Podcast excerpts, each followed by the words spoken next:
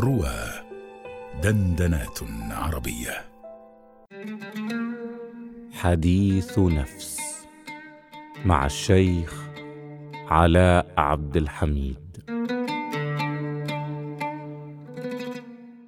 نقد العزائم تنوي أن تصوم الغد فتستيقظ وقد فترت عزيمتك ووهنت إرادتك.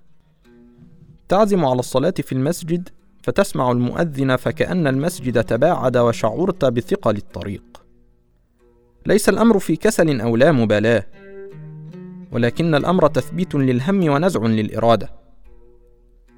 كأن الأمر من خارجك، وكأن إرادتك كيس امتلأ هواء ثم شكه دبوس فجأة. لو كان الأمر قرارا مسبقا بألا تفعل لهان الأمر. أو كان كسلا عارضا أو مستمرا لفهمت ما يحدث.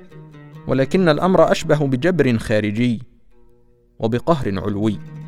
نعم إرادتنا قد تسلب في لحظة لتعلم أنه ليس لك من الأمر شيء وأن السير إليه فضيلة قد يحال بينك وبينها وقتما يريد وليس بابا تدخل منه عليه وقتما تريد. فهو العزيز المتعال سبحانه. وأخبرك بسر صغير وجدته من نفسي.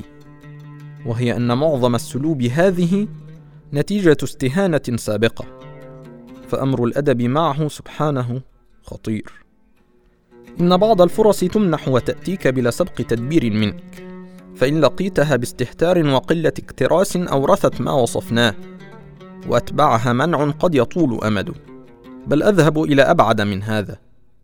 فقد كنت قديما ربما أعتذر عن موعد درس أو باب خير لمجيء صديق حبيب أحب مجلسه وأشتاق له. فحرمت من انتظام الدروس لعامين أو يزيد. ليس الأمر علاقة ندية معه سبحانه. يقف لنا فيها على الخطأ ويعاقب دوما على الزلة. بل هو سبحانه يعفو عن كثير. ولكن الله سبحانه أيضا يعاملنا بصفاته. وقد يتجلى على العبد بصفة العزيز فتوصد أمامه أبواب العمل والمثول بين يديه. فلا محيص من الدخول عليه بالذلة والانكسار ودوام الافتقار.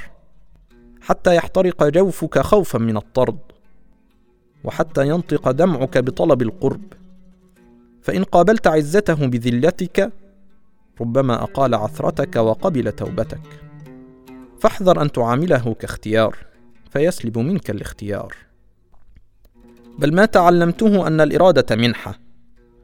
فإن وجدت وكان ثمة خيار بين محبوب له ومحبوب لي ولو لم يكن بين حرام وواجب بل بين فضيلة ومباح فلا سبيل عندي لاختيار ما أحب. فهذا باب شديد من سوء الأدب معه. وأقرب لك الأمر لتزدد فهما فإن هذا باب دقيق وجدت أكثر التفريط من أهل الخير فيه. وأضرب لك مثالا به يتضح الكلام. فلو أنك أعطيت موعدا لصديق واتفقت معه على تناول الغداء معه ثم لما كان في طريقه إليك جاءتك امرأة حسناء تدعوك لتناول الغداء معها بلا سابق موعد. فاتصلت بصديقك متعللا بحالة وفاة أو مرض شديد.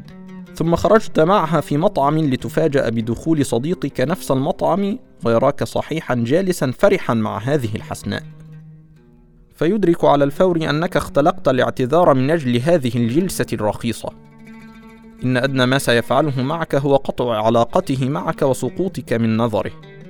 فلو لم يدل تصرفك هذا سوى على الخسة ودناءة الأصل فلا خسة في الوجود. لست أدعي أن الإله يعاملنا معاملة الصديق. ولكني قصدت بضرب المثال بيان سوء الأدب معه سبحانه إذا أعرضنا عنه ميلا لدنيا أو آثرنا شيئا خسيسا على عمل شريف. فسوء الأدب هو المشترك بين المثالين. وعقوبة سوء الأدب الطرد. فخذها مني نصيحة العمر. لا تقدم على رضا الله أمره. ولا تؤثر على لقائه لقاءه. فإن كنت فعلت وعوقبت بالحرمان فادخل عليه من باب الذلة والانكسار.